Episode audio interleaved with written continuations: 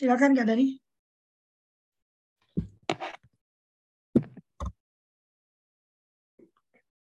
Sebentar. Silakan Kak Dani. Uh, Kak Dani mau buka atau saya aja? Ya, saya aja.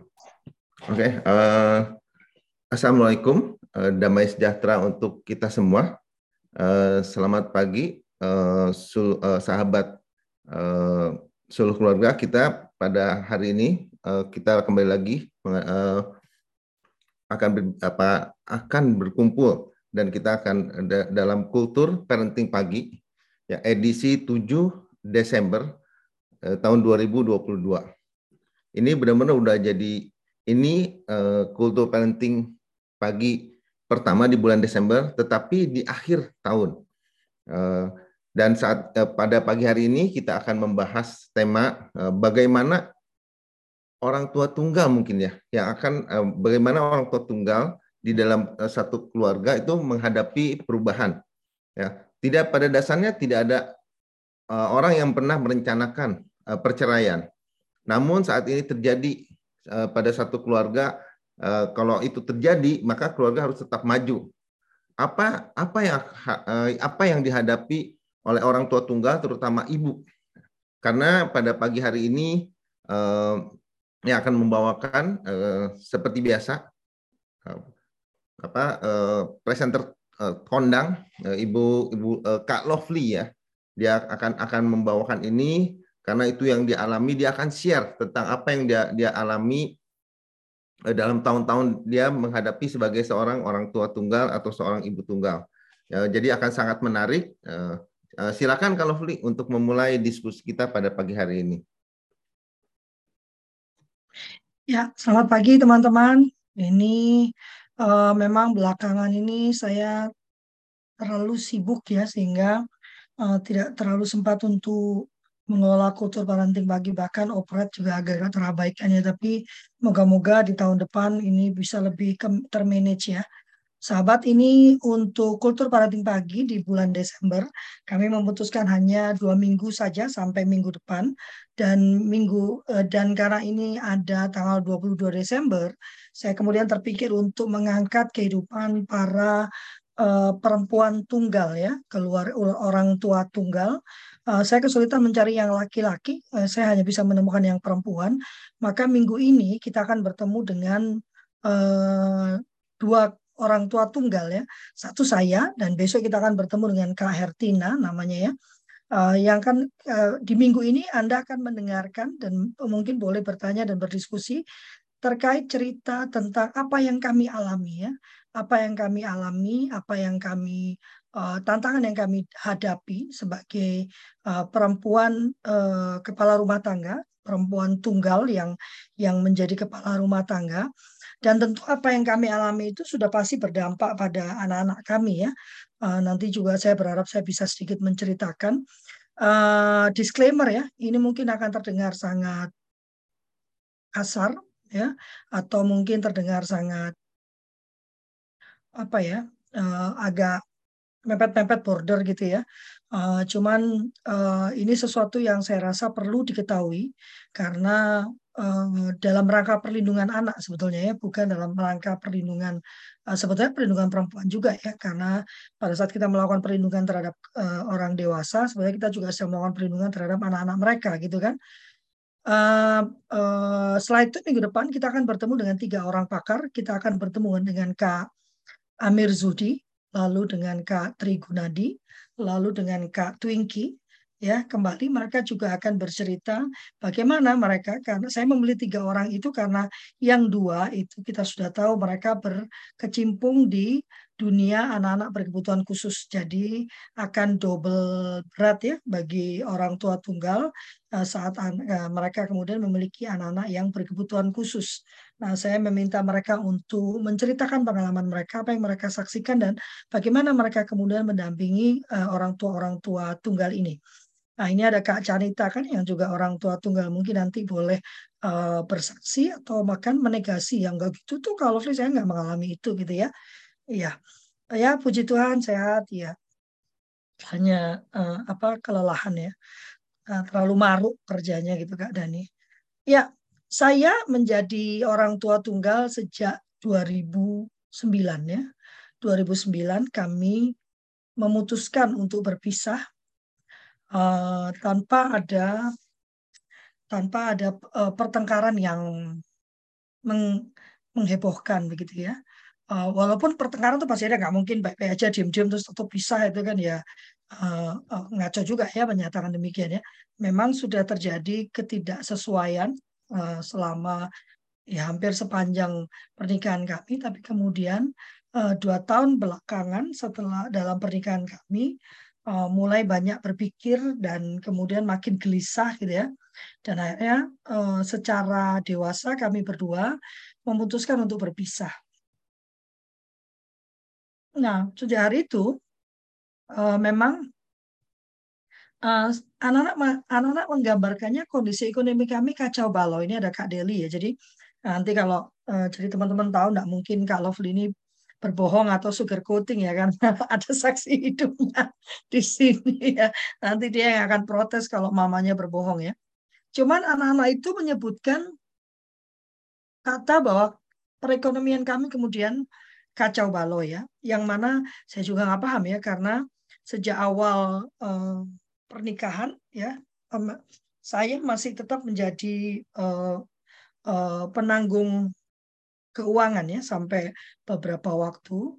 Dan pada saat berpisah itu puji Tuhan ayahnya anak-anak sudah mulai meningkat uh, kehidupannya sehingga uh, itu menunjukkan saya berharap itu menunjukkan bahwa saya tidak meninggalkan beliau karena quote unquote kemiskinannya ya karena beliau uh, perekonomiannya membaik gitu ya.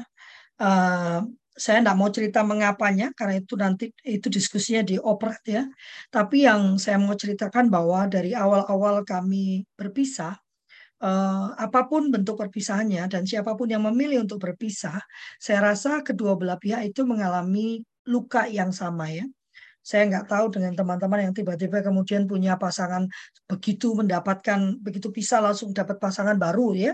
Uh, mungkin saya tidak bisa mewakili mereka, tapi saya percaya walaupun uh, uh, salah satu pihak menyatakan enggak, saya mah bersyukur berpisah dengan dia gitu ya. Tapi saya percaya uh, ada luka yang dalam di dalam tiap orang yang berpisah gitu ya. Setidaknya menyalahkan diri sendiri karena kegagalan yang dialami setidaknya ya. Uh, kalaupun tidak menangisi dia yang pergi tapi Eh, kegagalan itulah yang yang yang berat ya. Bahwa kita gagal mempertahankan rumah tangga kita. Dan di saat gempuran hal seperti itu yang saya temukan uh, di kala pertama-tama saya menjadi orang tua tunggal saya tidak hidup di satu komunitas atau negara yang yang ramah pada para ibu tunggal ini ya. Baik secara sistem maupun secara uh, kehidupan uh, bermasyarakat Begitu saya menjadi ibu tunggal, yang saya alami bertubi-tubi adalah penghakiman dan penghakiman, kemudian juga adalah uh, apa uh, apa ya uh, selalu dipertanyakan apakah kemudian saya akan mampu menjaga dua anak saya selalu kemudian uh, ditanyakan apakah perlu uh, dititipkan ke rumah neneknya yang ini, ke rumah neneknya itu karena pada waktu itu kedua orang tua saya juga masih hidup ya. Apakah saya bisa, apakah which is buat saya membingungkan gitu ya karena wong sejak lama ini juga saya sendirian yang ngurusin anak-anak gitu ya, tidak ada tidak ada tidak ada sangkut pautnya dengan orang lain. Yang lain juga adalah pandangan miring eh, orang-orang di sekitar ya. Uh, yang perlu teman-teman pahami di masa-masa itu adalah saya seorang perempuan, uh, saya masih nangis ya kalau cerita ini ya, yang berusaha keras tetap menyediakan atau provide untuk dua anak saya. Dan kata provide ini juga berat ya teman-teman, karena pada saat Anda menjadi orang tua tunggal, Kata provide ini menjadi kata yang menakutkan karena alih-alih dibantu, teman-teman um, um, Anda akan menemui mereka itu menantikan kita gagal, mengangkat tangan, melambaikan uh, apa kain putih dan menyatakan gagal gitu ya. Sehingga kalau saya bicara provide itu uh, benar-benar mati-matian karena semuanya ditelisik. Kasihan kan anaknya sekarang tinggal di rumah seperti itu tuh. Kasihan kan makannya sekarang cuman Indomie tuh. Kasihan kan gitu ya. Itu yang terus didengungkan gitu ya betapa uh, keputusan saya mengambil uh, saya untuk berpisah itulah yang membawa kesengsaraan pada dua anak saya. Ya. Uh, yang berikutnya adalah yang perlu teman-teman pahami juga di tengah saya berusaha keras membuktikan bahwa anak-anak saya bukan cuma membuktikan ya, memastikan bahwa anak-anak saya hidup dengan baik, uh, dengan kecukupan ya, tidak kemudian uh, apa kekurangan begitu ya. Walaupun kami sempat tinggal di rumah petak ya, rumah petak di di Jakarta Selatan ya deh waktu itu dia uh, tanpa AC ya, rumah yang sangat kecil penuh debu gitu ya. Uh, tapi kemudian uh, Anda juga harus pahami bahwa saya juga seorang perempuan yang sedang melawan rasa sedih saya gitu kan, melawan rasa rendah diri saya yang luar biasa karena kegagalan itu, melawan rasa unworthy saya karena lo kok segampang itu ya bercerai kok kamu tidak berjuang ya? Kok kamu tidak melihat bahwa pernikahan ini layak untuk diperjuangkan? Kamu kok gampang banget menyerah ya? Gitu ya. Jadi di tengah saya harus melawan eh, pikiran-pikiran uh, itu uh, rasa unworthy saya di saat yang bersamaan saya harus uh, tetap memastikan bahwa keluarga saya berjalan. Loh terus bapaknya ke mana kak? Karena saya memang diajarkan untuk mengambil konsekuensi dari segala keputusan yang saya buat sehingga saya tidak lagi uh, quote unquote uh, membebankan itu kepada bapaknya anak-anak karena saya merasa saya yang mengambil keputusan saya yang harus bertanggung jawab atas keputusan yang saya buat apabila dia kemudian tergerak untuk mengurus anak-anaknya puji Tuhan apabila tidak tergerak uh, saya tidak punya uh, hak untuk uh, menuntut ya menurut saya. Sehingga uh, di masa-masa itu antara saya bekerja keras dan antara saya berusaha me, me, me, apa, menghibur diri atau menaikkan rasa self unworthy saya itu itu blur ya. Uh, sehingga sering kali pada saat-saat itu uh, saya itu uh, uh, uh, balik ya uh, Bukan saya main terus, tapi antara saya cari uang dan saya berusaha mengembalikan uh, rasa percaya diri saya itu itu mix. Saya nggak jelas bagaimana ya. Sehingga sering kali saya pulang uh, larut gitu ya. Lalu berangkat pagi-pagi gitu ya. Uh, dan yang terjadi adalah komunitas tempat saya tinggal di mana itu adalah close community ya.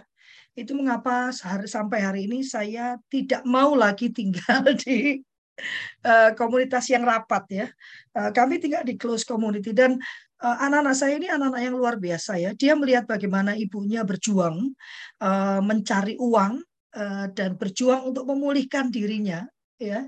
Dua anak saya ini kemudian berusaha melindungi saya dengan tidak menyampaikan apa yang sebetulnya mereka alami hari-hari di rumah kami itu di apa di uh, rumah petak kami itu ya uh, karena saya kan pulang saya uh, selalu mereka uh, menampilkan so seolah semua baik-baik saja gitu ya. Mereka bahagia waktu saya pulang uh, lalu masak dan segala macam ya. Anak-anak itu uh, uh, kemudian mengambil alih sebagian dari tanggung jawab saya.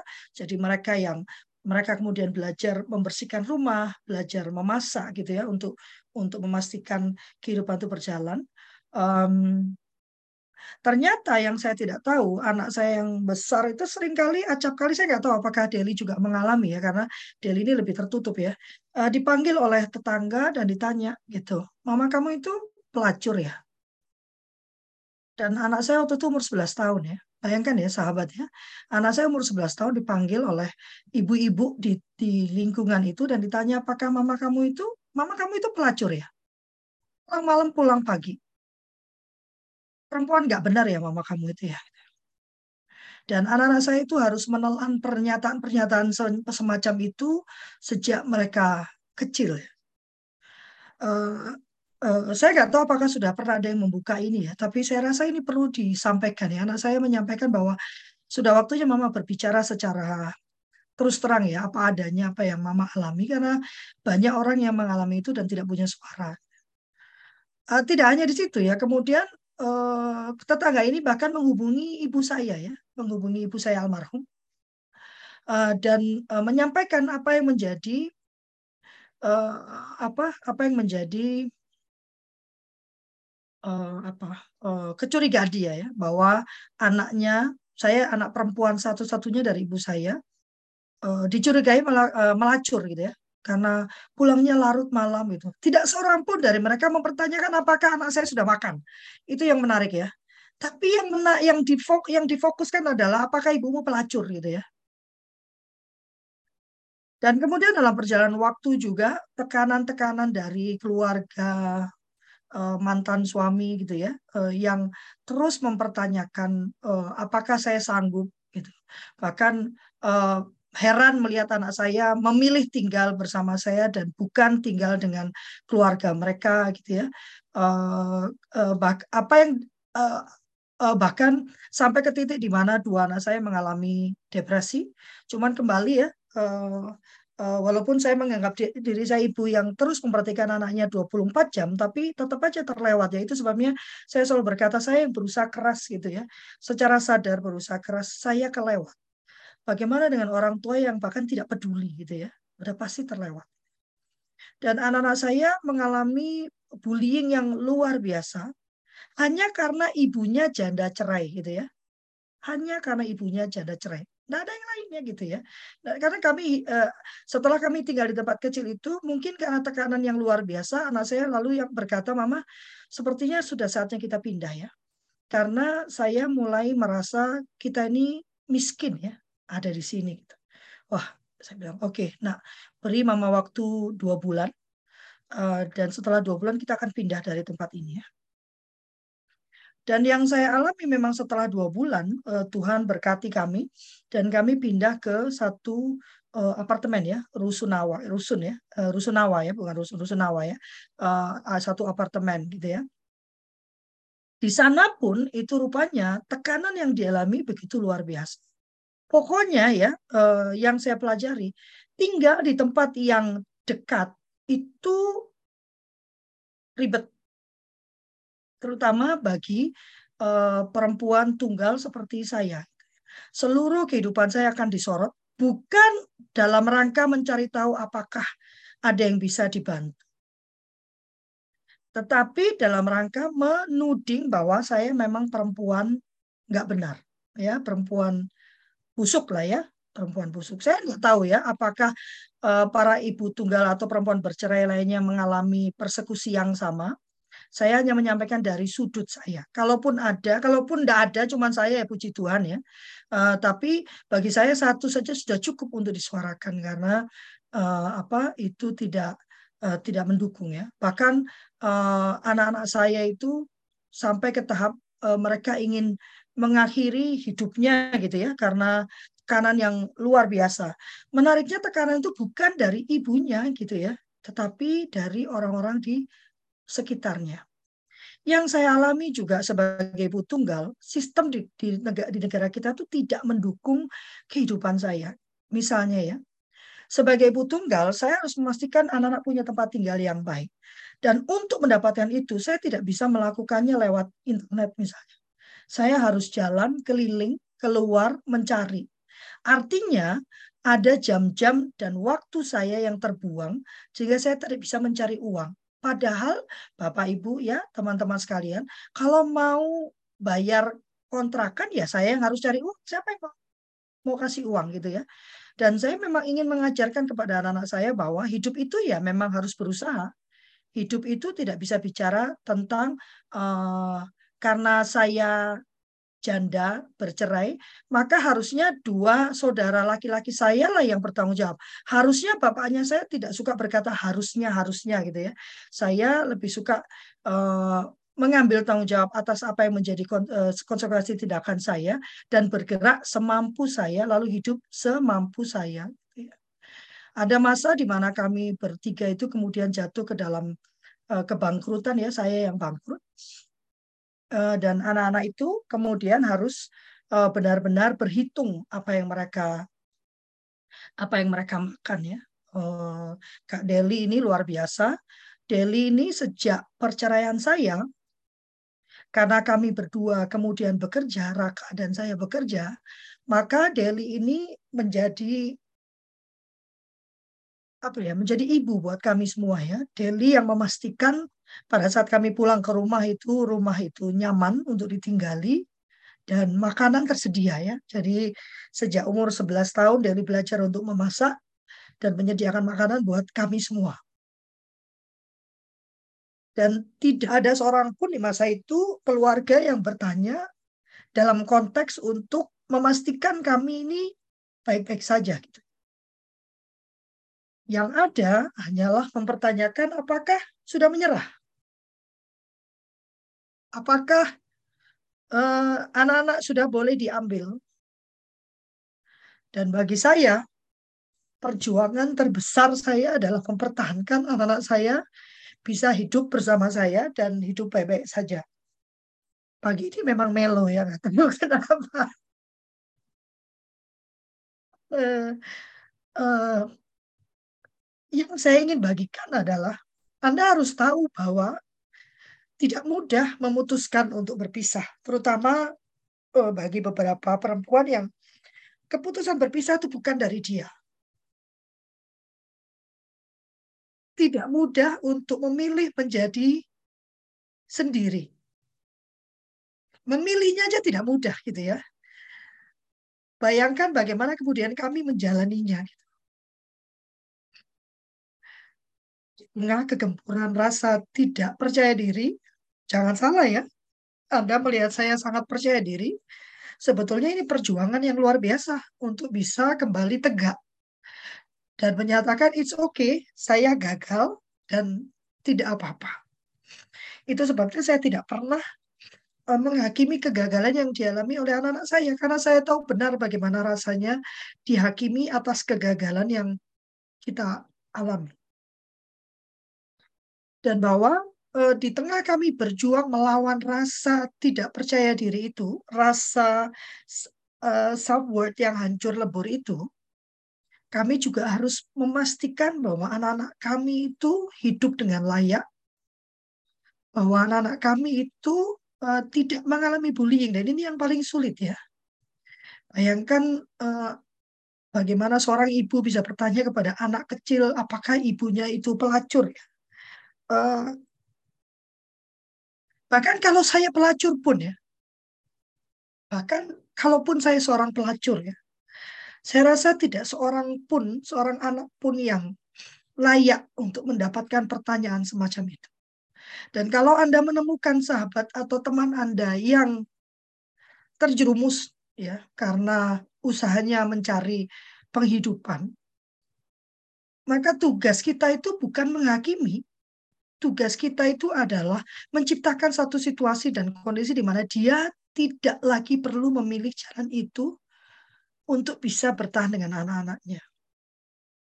Perempuan tunggal di Indonesia bukan hanya saya, eh, dan saya cukup uh, diberkati ya, saya sangat diberkati dengan dua anak yang benar-benar uh, bertahan hidup dan kemudian memulihkan diri dengan segala permasalahannya, ya, dengan segala situasinya, dan terus berada di samping ibunya gitu ya, apa pun yang terjadi. Ada masa di mana uh, hanya Raka yang bekerja, ibunya waktu itu, saya waktu itu tidak menemukan pekerjaan sama sekali. Uh, dan karena Raka gajinya hanya berapa ya dek waktu dia? Tiga juta ya dek ya? Dan saya waktu itu menemukan kerjaan tapi gaji hanya 4 juta apa gitu ya. Dan kemudian kami kemudian makan itu Deli yang hitung ya. Kalau kita makan ini dibagi empat, ini bisa, kalau ini bisa, ini nggak bisa gitu ya. Karena kami tinggal di satu kos berempat, bertiga ya, satu kamar kami bertiga. Sedapat mungkin Deli masak karena Deli yang di rumah. Kemudian nanti apa? Yang lainnya kemudian uh, apa? Uh, uh, Raka kemudian menghitung berapa pengeluaran karena saya membayar kos-kosan uh, dan dia membayar makan gitu ya. Uh, itu sebabnya sampai hari ini kami uh, apa uh, tidak lagi terlalu berhitung gitu ya untuk makan karena kami pernah mengalami masa-masa di mana untuk makan saja kami benar-benar harus hitung berapa yang harus kami makan. Pesannya sebetulnya untuk para ibu tunggal yang ada di luar sana ya. Mungkin hari ini Anda sedang kok saya harus hidup 3 juta lagi ya kak ya. Cukup kak, saya kan harus begini-begini. Eh, kata harus itu menjadi goal Anda, tetapi tidak menjadikan Anda berhenti karena itu belum tercapai. Uh, kami pernah hidup uh, naik mobil, kemudian balik lagi mesti naik angkot gitu kan. Hidup memang sedemikian itu ya, naik turun mungkin yang teman-teman juga bisa menjadi saksi itu naik turun ya. Naik turun, naik turun. Tapi yang penting adalah bagaimana ada bangkit dan terus berjuang gitu. Karena memang demikianlah hidup ya. Uh, bersyukur saya tidak kurus kering, jadi Anda tidak bisa melihat anda tidak melihat perjuangan yang saya alami, saya Anda hanya melihat hasil dari perjuangan yang saya kerjakan. Uh, itu sekelumit cerita saya ya betapa kehidupan saya bukan sedang curhat ya. Sudah selesai. Saya hanya ingin memberikan gambaran apa yang dialami oleh perempuan yang bercerai. Karena masyarakat kita itu lebih empati dan simpati kepada perempuan yang ditinggal mati. Nah, kalau ditinggal mati itu uh, jadi saya tuh selalu mengatakan dalam dalam perjandaan itu ada ada ini ya perjandaan itu ada ada level-level penghormatannya ya ya. Yang paling tinggi itu mereka yang um, ditinggal mati oleh suaminya dan suaminya tuh sakit gitu sakit terus meninggal. Wah ini janda terhormat. Nanti kalau tiba-tiba meninggal ini juga janda terhormat tapi level 2 gitu kan. Yang berikutnya adalah janda yang bercerai ya kan. Tapi karena suaminya selingkuh ini dihormati juga. Nah, saya ini ada yang di paling bawah ya, karena saya yang meminta untuk bercerai tanpa ada perselingkuhan di antara kami. Jadi saya ini uh, kasta terendah dari para janda gitu ya. Uh, dan itu mempengaruhi bagaimana masyarakat uh, apa me, mem, memperlakukan kami dan lebih sedihnya memperlakukan anak-anak kami. Dan itu harus dihentikan. Itu harus dihentikan. Kita harus benar-benar berubah menjadi masyarakat yang peduli, masyarakat yang yang melindungi, melindungi anak dan melindungi uh, perempuan dan kita harus berubah menjadi masyarakat yang bukan permisif ya, tapi masyarakat yang penuh dengan empati. Bagaimana kita mau mengajarkan empati kepada anak pada saat perilaku kita masih penuh dengan penghakiman. Gitu ya Kak Dani, mungkin ada yang mau berbagi juga atau bertanya, silakan. Iya, eh, pertama eh, makasih. Kalau Lovely udah udah berbagi cerita ya. Eh, saya ya pasti nggak pernah mengalami karena saya seorang laki-laki Eh, dan kayaknya memang eh, di Indonesia ini agak unik gitu. Perlakuan itu duda dengan janda ini eh, seolah kayak berbeda. Padahal sebenarnya kan harusnya sama ya. Nasibnya sama gitu dan kejadiannya sama. Dan mungkin juga banyak juga penyebab kebanyakan mungkin penyebab maaf maksudnya jadi seorang bisa menjadi janda ya karena laki-laki inilah itu pada duda-duda ini gitu. Tapi justru yang dapat hal yang negatifnya justru ibu tunggal gitu. Jadi tapi satu hal yang menurut saya sangat menarik adalah bahwa kalau Fli udah jalani sesuatu, mungkin di sini ada ada Kak Canita ya. Maksudnya pasti ada ada satu pukulan ya terutama secara secara mental ya bahwa um, yaitu kegagalan eh, sendirilah ditinggalkan ditolak. Banyak sekali ya perasaan itu. Tetapi apalagi ketika eh, kalau Fli punya dua anak gitu dan kalau Fli merasa harus tetap maju gitu kehidupan nggak bisa stop eh, dengan karena satu hubungan yang gagal gitu dan tadi kalau Fli udah cerita wah begitu banyak hal yang mesti dihadapi itu jadi satu contohan dan juga satu mungkin satu Eh, motivasi lah ya eh, motivasi positif untuk maksudnya kalau kalau eh, dengan ibu tunggal aja kalau lu bisa jalani dengan dengan luar biasa yang lain pun harusnya dengan banyak sekali yang mesti dihadapi mungkin masalah ekonomi atau pandemi atau apa pun juga ya harus maju dan harus semangat gitu. Kalau Fli dengan kondisi yang begitu sulit bisa, yang lain pun harusnya bisa. Mungkin ya, Kak Canita mau share? Silakan Kak. Ya, selamat pagi semuanya. Kalau free semangat. Kamu apa udah uh, berhasil lewati. Saya masih masih di tahap kamar kotak itu. Tapi gini, uh, yang dialami memang ada bullying memang apa di mana pun memang yang rapat-rapat itu apa saya di komplek mbak dari sejak suami memutuskan meninggalkan tanpa alasan jelas gitu ya. Uh, dia enough gitu aja mungkin ya tapi itu pergi. Itu saya di rumah uh, di, di Bali di rumah di komplek kanan kiri. Bullyingnya berbeda mungkin lebih elit tapi hmm, tetap nggak enak mbak yaitu ada rasa yang seperti itu. Tapi dan dari keluarga pun uh, kalau apa kalau dari keluarga pun ya itu lebih lebih pada akhirnya ya udah cari lagi yang lain solusi menikah lagi itu adalah solusi gitu.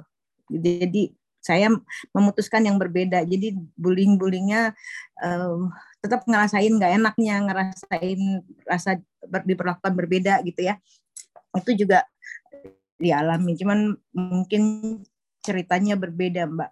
Makanya tapi dan uh, di sini di tempat di kotak ini apa di kota kotak ini gitu ini sebenarnya um, ya saya sih masih bersyukur bersyukur aja bersyukur gitu. Karena uh, saya me memposisikan atau mengambil pilihan bahwa uh, apa pun yang mereka lakukan ya karena mereka nggak tahu saya. Udah gitu saya cuma bisa senyum dan apa saya cuma bilang nggak penting walaupun sebenarnya sakit ya gitu kesel ya gitu mau marah rasanya gitu Jadi kayak mau mau balas atau mau gimana nggak fair buat anak-anak nah um, mungkin perbedaannya uh, saya memutuskan waktu itu saya di sini itu karena ada uh, apa mereka memfasilitasi homeschoolingnya anak-anak karena kegiatan youth-nya waktu itu bagus gitu. Jadi anak-anak tetap masih homeschooling, tidak masuk ke sekolah, tidak ambil program beasiswa dan lain-lain.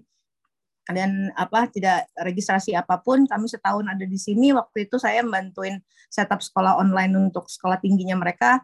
Uh, mereka menawarkan, Bu Cani masukin aja anaknya begini-gini, ada program gini-gini. Saya bilang nggak apa, nggak dulu anak-anak masih di situ masih dan yang memutuskan mereka ya sampai akhirnya mereka memutuskan dan mereka anak-anak aktif anak-anak aktif sekali kegiatannya jadi karena karena saya fokus ke situ jadi anak-anak eh, nggak terlalu mengalami hal yang eh, kak Lofi alami gitu ya.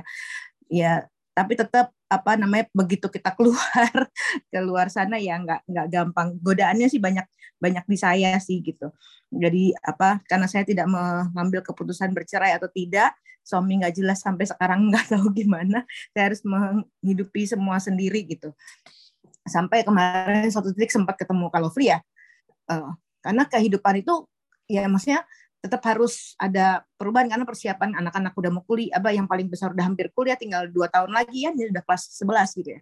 Saya sempat ya berpikir panjang berpikir. Tapi memang um, jalan jalan yang saya lewatin jalan yang saya lewatin ya saya harus membuka diri gitu.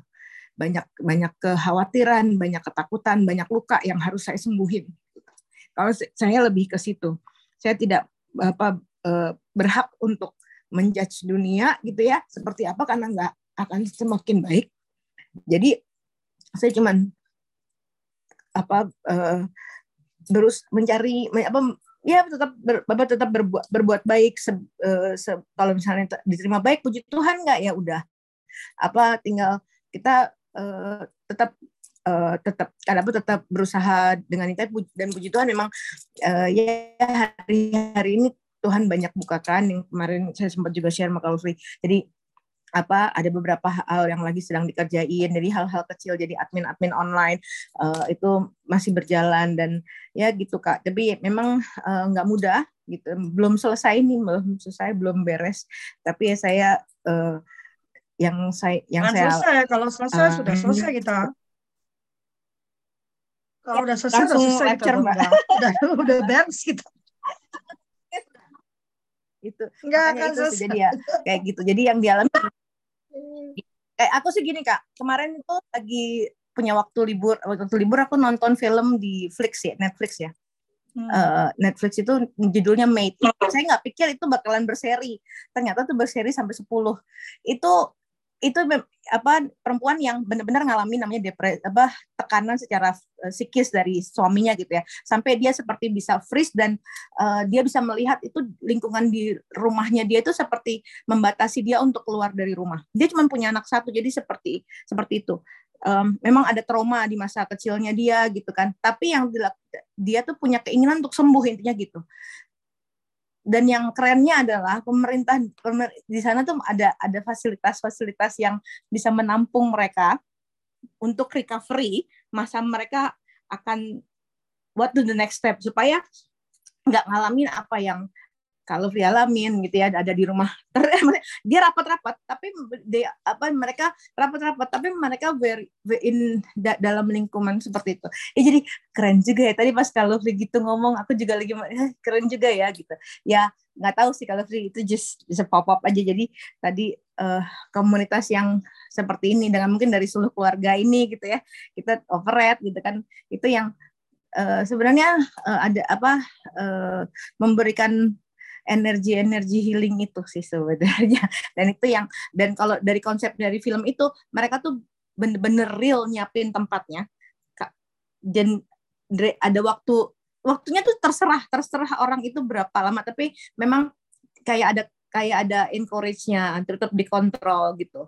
Mereka dalam satu ruangan itu dalam satu di satu rumah itu yang ada flag berapa banyak itu mereka nggak boleh pegang handphone. Mereka boleh bekerja, tapi kalau mereka mau deal soal pekerjaan itu harus keluar dari rumah. Dia harus deal. Jadi si perempuan itu sampai bawa kayak meja yang lipat kita kayak duduk di bawah gitu, dia duduk, duduk pinggir trotoar, dia teleponin gitu. Dia kerja cuma dikasih kesempatan cuma ada buka, terbuka lowongan cuma jadi pembantu rumah tangga gitu. Jadi bersihin rumah, bersihin rumah. Dan kebetulan memang di lingkungan orang orang yang kaya gitu kan, orang yang orang ada sampai ya sampai dia pokoknya mau itu pun juga di, dicelecehkan di apa gitu ya sama orang-orang kaya itu kan biasanya suka seenaknya gitu kan. Jadi tapi sampai ada yang satu akhirnya eh, seperti kayak punya hati man dia padahal dia yang pertama klien dia pertama nggak mau bayar dia gitu. Terus uh, sampai dia kehilangan anaknya hak hak asuh anaknya itu hilang gara-gara ngelayanin di rumahnya dia gitu kan.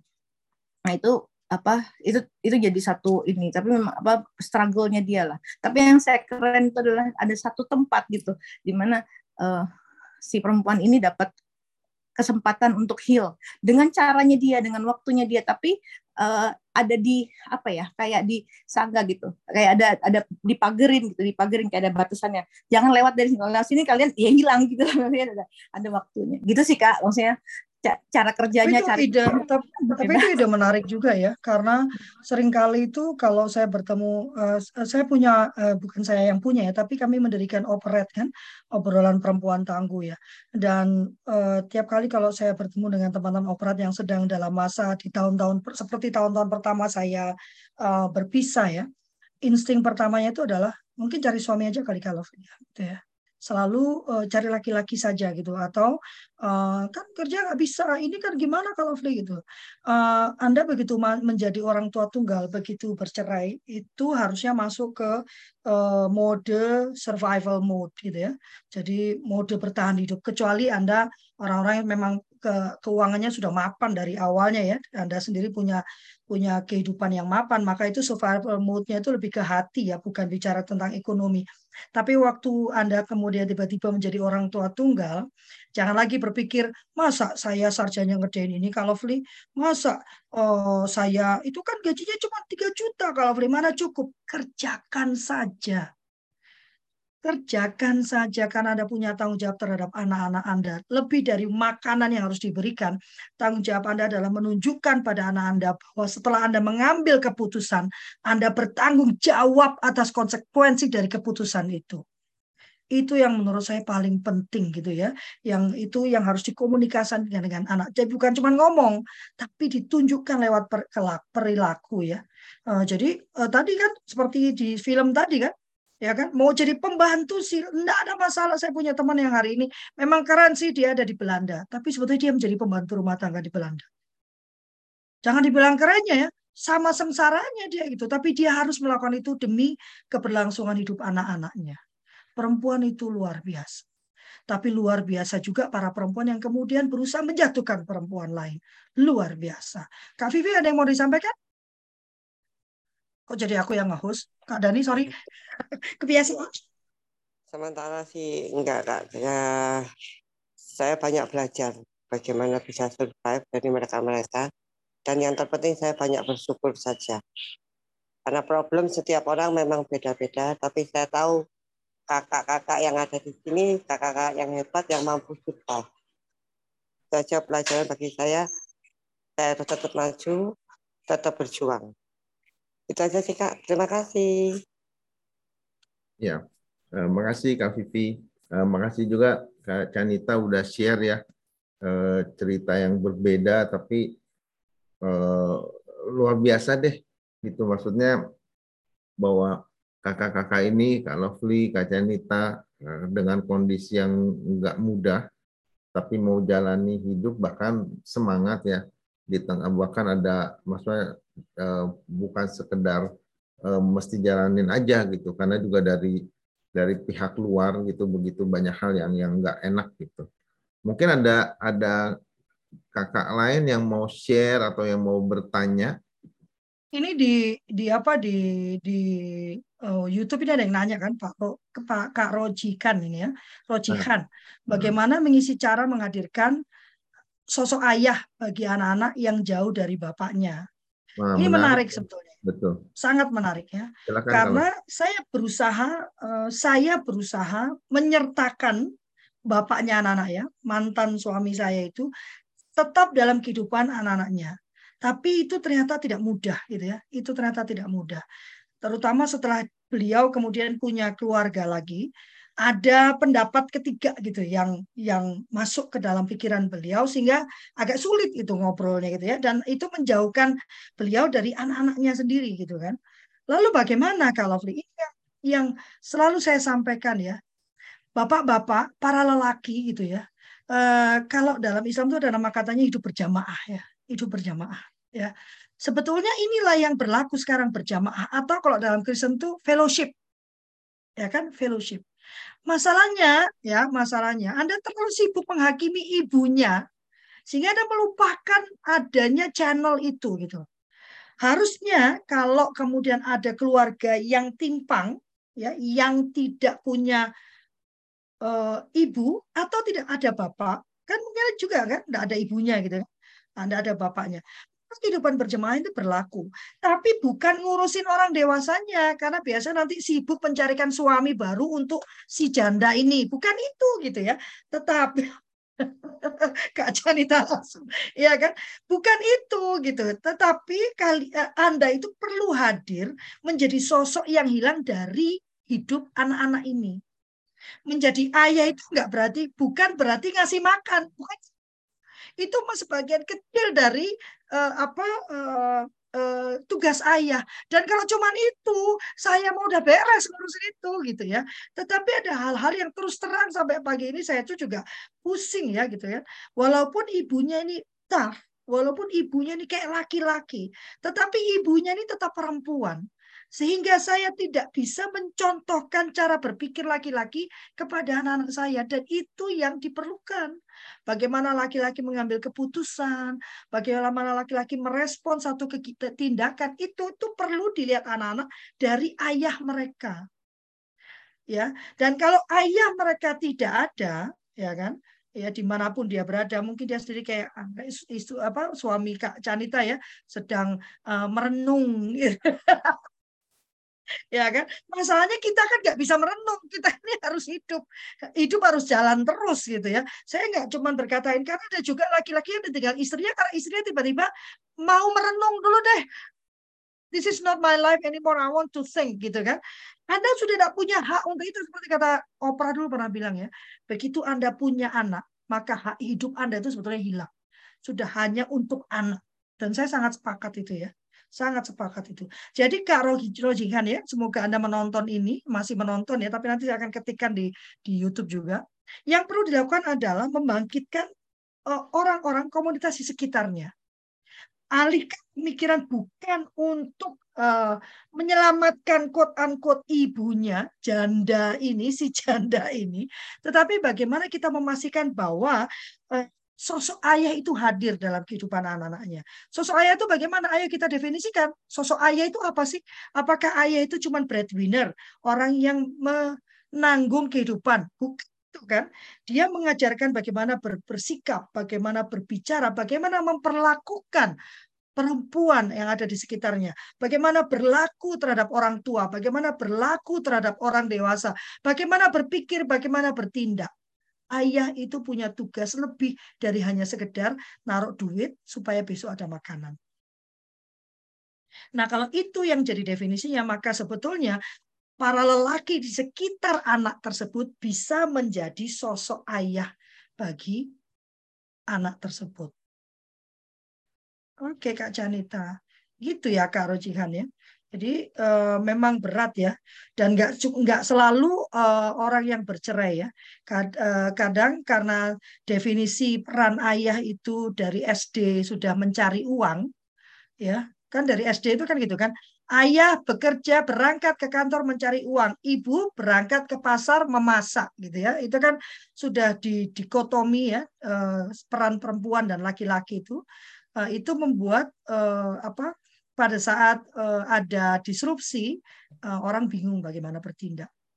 Laki-laki itu punya tugas yang lebih besar dibanding hanya mencarikan uang. Anda itu bukan mesin uang. Anda punya tugas yang luar biasa atas kehidupan anak-anak Anda. Ini Lita yang di Bangka bukan sih? Ya Lita. Ya, siapa pun itu. Nah, harusnya omnya juga memahami itu gitu kan. Karena anak-anak saya juga berkata bahwa e, mereka kehilangan sosok ayah. Ya, dan mereka berusaha mencari dari keluarga terdekat dan mereka tidak mendapatkannya. Nah, dan itu yang menimbulkan banyak permasalahan ya kemudian ya. Eh, karena saya tidak mungkin menjadi sosok ayah ya eh, bagaimanapun saya berusaha saya tidak mungkin karena saya memang perangkatnya bukan laki-laki gitu ya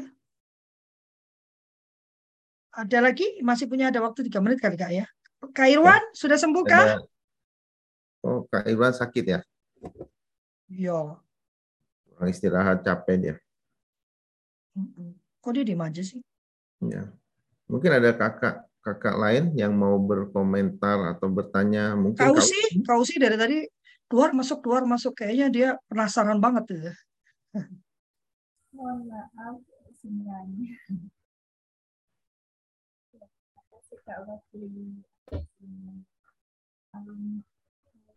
mau bertanya silakan kau sih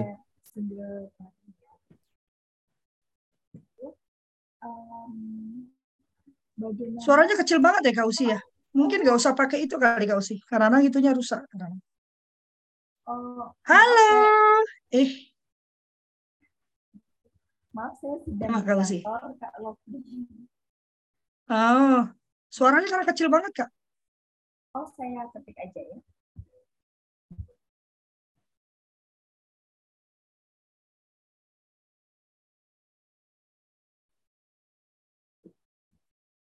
Oh, Kak Usi mau tanya lewat ketik.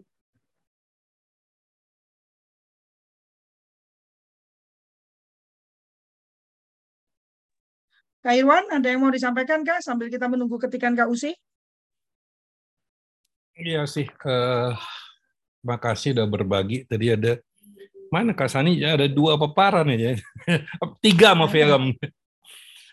Kalau saya sih ngambil intinya aja Kak Gafri. Jadi memang uh, uh, jadi makna hidup ya sebetulnya kan makna hidup dan perubahan yang harus dilakukan gitu. Kalau di lingkungan militer kan hampir semua para istri itu akan uh, harus siap untuk menjadi single parent bukan karena bercerai ya. tapi karena ditinggal tugas yang lama ya. tugas ya. yes ya ya yes. sampai saya sendiri pernah ceritakan uh, dipanggil om sama anak sendiri kayak gitu kan nah itu kan memang tantangannya masing-masing jadi memang uh, basic kita tadi, basic awal tadi ya memang kesiapan kesiapan mental. Makanya saya saya sendiri kan suka dan uh, ngemasnya gimana gitu ya. ya kita masing-masing punya keyakinan. Memang itu yang paling dasar gitu kan. Keyakinan ke, keyakinan itulah yang paling dasar gitu Kak Dani, Kak Gafri. Jadi kalau dengan keyakinan saya misalnya kan ke, kalau kami yang di Muslim itu kan kalau uh, lahir itu diazanin gitu ya. Diazanin ya. itu ada kalimat tuh ayalah sholah, ayalah falah gitu ya. Jadi salah satunya sebetulnya kenapa saya punya konsep pemenang. Jadi uh, dirikanlah sholat, ya, uh, gapailah menjadi pemenang gitu. Jadi memang kita ini kan memang jadi pemenang, harus menjadi pemenang siapa pun kita tuh jadi pemenang. Nah kalau punya tadi itu bukan kasta terendah, kasta terendahnya mungkin yang uh, istrinya selingkuh itu kastanya paling terendah gitu. Jadi masih ada masih bukan bukan kasta itu rendah masih ada. Masih nomor dua ya? Yang kedua, pangais bungsu katanya. Saya kira gitu ya. Jadi memang saya sendiri juga kemarin kok boleh cerita nonton film ya? Saya juga nonton film gitu ya. Nonton film uh, jadi ada uh, tentang swimmers. Jadi uh, pengungsi dari Suriah perempuan-perempuan berdua gitu ya. Uh, dia perenang gitu. Bagaimana dia keluar dari dari Suriah itu uh, dengan dengan uh, RCL ya perahu karet yang uh, mogok hampir tenggelam ya kayak gitu kayak gitu ya. Jadi perjuangan hidupnya dan bagaimana dia sekarang jadi duta dari dari uh, ini gitu dari uh, eh, PBB seingat saya. Jadi memang itu kisah nyata. Jadi kembali lagi ke hakikatnya. Jadi yang saya garis bawahi yang barusan itu adalah perempuannya, ya ketangguhannya. Walaupun uh, Kak Dani saya cemburu ya kenapa ada operate nggak ada eh, untuk obrolannya pria yang tangguh gitu. Jadi ah, kita mesti pakai kode ikutan di situ gitu. Kira bikin gitu, dong nih, masa aku yang bikin? Mungkin chatnya udah selesai belum ini kak? Udah Kak ini, Kak Usi udah. Nanti kalau aku yang bikin, Kak Irwan, obrolan pria tangguh, dikira aku cari suami nanti. Bukan, saya saya ngipasin uh, Pak ini uh, Kak Dani. Kak Dani dong, uh, ayo. Kadang-kadang juga kita perlu unisex kok. Jadi nggak cuma untuk perempuan saja, untuk kita semua. Jadi jadi sekali-sekali operasi itu dibuka juga kesempatan untuk pria tangguh datang ke sana gitu dong. Ya setuju ya Kak Dani ya? Setuju, setuju. setuju, Ya, ini kau sih nanya bagaimana wanita single parent untuk survive dan mendidik anak-anak dengan baik. Hmm. Yang nomor satu tuh Kak Usi, maafkan diri sendiri Kak Usi. Itu nomor satu ya. Uh, yang pertama harus dilakukan itu memaafkan diri sendiri atas semua kegagalan dan semua ketidaknormalan. Yang kedua, itu tidak lagi memandang diri kita dengan kacamata uh, umum. Itu yang terus disampaikan satu teman saya ya, kalau dia bilang kalau saya tuh ngomong kok uh, saya kok ini ya, kok nggak begitu ya, kok nggak begini ya, dia bilang hidupmu itu berbeda, maka standar bahagiamu itu harusnya berbeda, tidak sama dengan orang lain itu, karena hidupmu berbeda. Kamu tidak bisa memandang dirimu seperti mereka yang punya suami gitu. Atau tidak bisa memandang itu dengan cara orang yang punya suami kok anakku nggak pernah begini ya, kok anakku nggak pernah begitu kali ya, mungkin harus begitu ya, tidak akan jadi gitu ya, tidak akan jadi. Maka eh, berdamailah dengan dirimu yang baru, dengan posisimu yang baru gitu bahwa kita ini single parent. Sebagai single parent maka kita sangat perlu kerjasama anak-anak. Tidak bisa enggak. Yang kalau dulu yang diajak kerjasama kan suami. Kalau setelah tidak ada kata suami, ya anak-anak lah yang diajak kerjasama gitu disampaikan. Dan meminta maaf karena menjadi single parent itu bukan keputusan anak-anak. Single parent itu keputusan kita atau keputusan suami. Kalau dalam konteks suami yang pergi ya, kita tuh hanya menerima uh, apa uh, menerima uh, keputusan dia bahwa kita harus bercerai ya karena ada kan tidak semuanya memutuskan ada yang terkena keputusan gitu ya uh, uh, memang sulit ya kalau kita putus cinta waktu remaja itu nangisnya panjang nggak apa-apa. Kalau putus karena uh, menjadi single parent itu nangisnya nggak boleh lama-lama karena ada manusia-manusia yang bergantung hidupannya kepada kita. Tapi bagi saya sama seperti kalau kita naik pesawat terbang sebelum kita pasang oksigen itu kan kan diminta selalu pasang dulu ke diri anda baru ke orang lain. Jadi selamatkan diri Anda dulu dari quote unquote kegilaan yang sedang dialami. Karena saya juga masuk ke dalam depresi ya, jangan salah. Saya depresi selama 8 atau 9 bulan gitu ya. Uh, hilang saya dari kehidupan saya sendiri. Uh, dan saya hilang dari kehidupan Delhi itu hampir satu tahun ya. Uh, saya karena depresi saya itu saya jadi tidak hadir dalam kehidupan Delhi dan waktu itu Delhi masih tujuh tahun jadi sebenarnya dia masih sangat perlu hadirnya saya itu selama satu tahun. Dan usaha saya untuk menebus satu tahun ini mungkin bakal seumur hidup ya. Uh, karena saya tahu saya hilang satu tahun itu uh, sibuk dengan kegilaan saya sendiri ya uh, saya berusaha menebus itu itu mungkin akan berlangsung seumur hidup ya karena ada yang hilang dari satu tahun itu dan ada yang tidak Deli dapatkan ya dan Deli dapatkan dari dirinya sendiri atau orang lain sehingga mereverse itu untuk Deli mau berbicara saja itu uh, butuh maaf ya Kak Deli ya maaf ya Kak Deli ya Uh, tapi butuh waktu bertahun-tahun ya. Deli baru mau berbicara kembali uh, dan uh, kembali menjadi dirinya ya, karena dia sempat benar-benar bikin saya pusing selama beberapa tahun itu. Uh, itu setelah Deli masuk usia berapa ya dek? Mungkin uh, 15 ya, 14 15. Uh, itu Deli mulai menjadi dirinya sendiri lagi gitu. Mungkin di masa saya nggak tahu ya harus tanya ke Deli ya.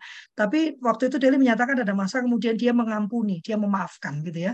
Dan mungkin mungkin saya memprediksi mungkin waktu itulah dia mulai memaafkan sehingga dia kembali menjadi dirinya sendiri ya. Walaupun dia tidak pernah melakukan uh, uh, apa uh, tindakan yang parah gitu ya, enggak ya. Tapi dia cukup waktu itu saya bingung bagaimana bicara dengan Deli gitu ya. Saya nggak bisa ngomong sama sekali gitu ya.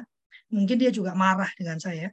Maka ayo eh, maafkan diri sendiri dulu karena tidak mungkin Anda bisa meminta maaf pada anak-anak kalau Anda sendiri belum memaafkan diri sendiri. Memaafkan diri sendiri itu berarti mengakui bahwa memang apa pun yang terjadi saya juga ikut salah. Ya, saya juga ikut salah. Eh, eh, perceraian ini saya juga ada juga kesalahan saya Nggak mungkin dia terus yang suka, ya kan? Kita pasti pernah melakukan kesalahan. Di atas kesalahan itu saja kita ampuni diri kita sendiri, kita maafkan diri kita sendiri. Kalau kita tidak bisa berkata bahwa uh, saya memang juga salah, maka kita akan tidak bisa move on. Kita akan dipenuhi kebencian ampuni diri kita sendiri. Baru minta maaf pada anak-anak. Dengan tulus bukan ya udahlah mama minta maaf lah mama nggak memang mama nggak bisa kayak tante Vivi. Tante Vivi kan hebat nggak kayak mama. Itu mah bukan gitu ya. Tapi minta maaf secara tulus. Fokus pada kehidupan anak sendiri minta maaf secara tulus Ya, ayo Kak Yakobus tuh ada yang minta single parent laki-laki tuh Kak Dani. Ayo, sudah tiga, dua nih yang minta nih. Ayo Kak Dani, saya support Kak Dani bikin obrolan laki-laki tangguh. Judulnya bukan operet, nah, tapi judulnya apa laki-laki tangguh gitu ya. Iya laki-laki tangguh. Uh, karena gini ya, saya nggak suka uh, beberapa kegerakan laki-laki tangguh itu terus gini. Laki-laki, Laki-laki itu nggak perlu diajari keras. Laki-laki itu perlu diajari untuk menyentuh sisi-sisi kelembutannya, bukan sisi keras ya. Keras mau udah dari kecil diajarinya ya. Jadi kalau saya begitu dulu ya, ke operet kata nih. Oh Hah? iya betul betul. Kita benchmark dulu ke operet. Diundang dong kalau Lovely. Iya makanya kita diundang. Oh begini gitu. Oh bingung. Ya, operat itu benar-benar tertutup untuk laki-laki sebetulnya. Jadi saya bingung mau gimana. Nanti deh dipikir dulu. Mau Enggak, kan pengecualian selalu ada. Kan itu kan bukan Alkitab gitu ya. Undang-undang aja bisa direvisi kok. Iya. Betul kan Kak Gani? Betul, betul. Betul. Iya, e, jadi gitu ya Kak Usi ya. Kak Usi udah tergabung dengan Operat belum?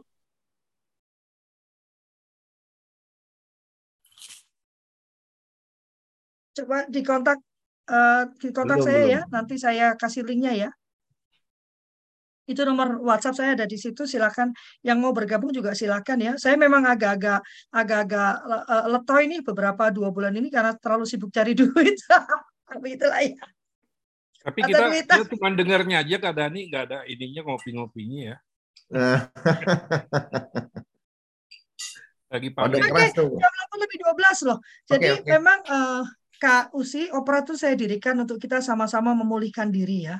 Uh, jadi uh, tidak ada expert di situ, itu cuma teman-teman ngumpul dan saling uh, ber, ber, saling mendukung. Dan di opera itu cuma satu uh, peraturannya tidak boleh menghakimi. Ya apa pun yang disampaikan oleh teman perempuan tidak boleh ada kata penghakiman ya. Uh, saya cukup keras untuk kata penghakiman itu karena saya tahu benar ya. Uh, nggak apa-apa. Uh, jadi uh, nggak nggak apa-apa Kak Usi. Nanti di kontak saja saya lewat WhatsApp ya. Begitu Kak Dani. Jadi yang mau saya sampaikan adalah uh, hidup seorang perempuan tunggal. Uh, maka saya nyebutnya keluarga tunggal. Ya. Iya, Kak Deli sambil foto itu tidak mudah.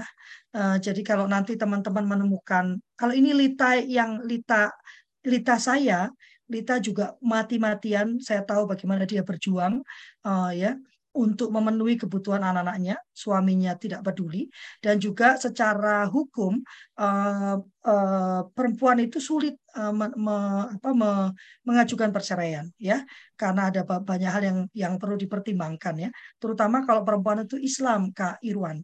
Karena kalau mengajukan perceraian nanti beberapa hal bisa hilang, hak itu bisa hilang secara hukumnya, ya. Nah, ini yang perlu kita perhatikan. Uh, kita perhatikan dan kita lindungi dari perempuan-perempuan ini. Karena melindungi perempuan, ya, ya, saya tidak bicara dari single parent. dan di opera ya, opera itu tuh bukan isinya single parent ya. Opera itu perempuan dari berbagai uh, ma macam ya. Ya, yang yang ingin tangguh ya. Jadi saya tidak mengumpulkan uh, janda-janda. Uh, mengumpulkan janda apa ya berarti kan saingannya banyak nanti ya Kak Irwan ya. Pak Yakobus, silakan uh, kontak saya nanti. Uh, itu nomor handphone saya sudah ada. Nanti saya akan panas-panasi Kak Dani untuk segera membentuk laki-laki tangguh tadi ya. Iya, Mbak Rizky. Iya. Iya, perlu itu ya. Nanti baru perempuan tangguh dan pria tangguh bertemu ya. Gitu. Silakan Kak Dani. Oke, uh, terima kasih uh, untuk sharingnya. Kalau Fli juga tadi ada uh, Kak Canita ya, uh, luar biasa bahwa ini menurut saya sih eh, kalian ini benar-benar pahlawan-pahlawan wanita lah untuk keluarga, terutama untuk keluarga eh, kakak-kakak sekalian gitu. Itu jadi satu inspirasi bahwa apa pun yang terjadi dalam kehidupan ini eh, kita harus terus maju. Mau pandemi, kita terus maju. Kalau kata Kak Irwan, ya, walaupun pandemi, walaupun apa, tetap kita harus jadi orang yang tangguh-tangguh. Orang Indonesia itu orang yang tangguh-tangguh. Jadi terima kasih untuk semua kehadiran semua kakak-kakak eh, mohon maaf sebesar-besarnya bila ada perkataan atau pernyataan ataupun gestur tubuh yang kurang berkenan. Kami tidak ingin untuk menyakiti, tidak ingin merendahkan, menghina, atau menggurui. Kami hanya share tentang apa yang menjadi keyakinan kami dan apa yang, kami lakukan, yang kami jalani dalam kehidupan kami sehari-hari. Sekali lagi, terima kasih untuk semua kehadirannya. Assalamualaikum. Eh, damai sejahtera untuk kita semua. Terima kasih. Thank you. Terima kasih. Sampai uh, besok lebih seru lagi ya. Karena besok itu perempuan yang memutuskan untuk tidak menikah. Wih. Wah. Ya, jadi nanti bagaimana dia menghadapi kehidupannya luar biasa ya. Sampai ketemu besok. Oke, okay, see you.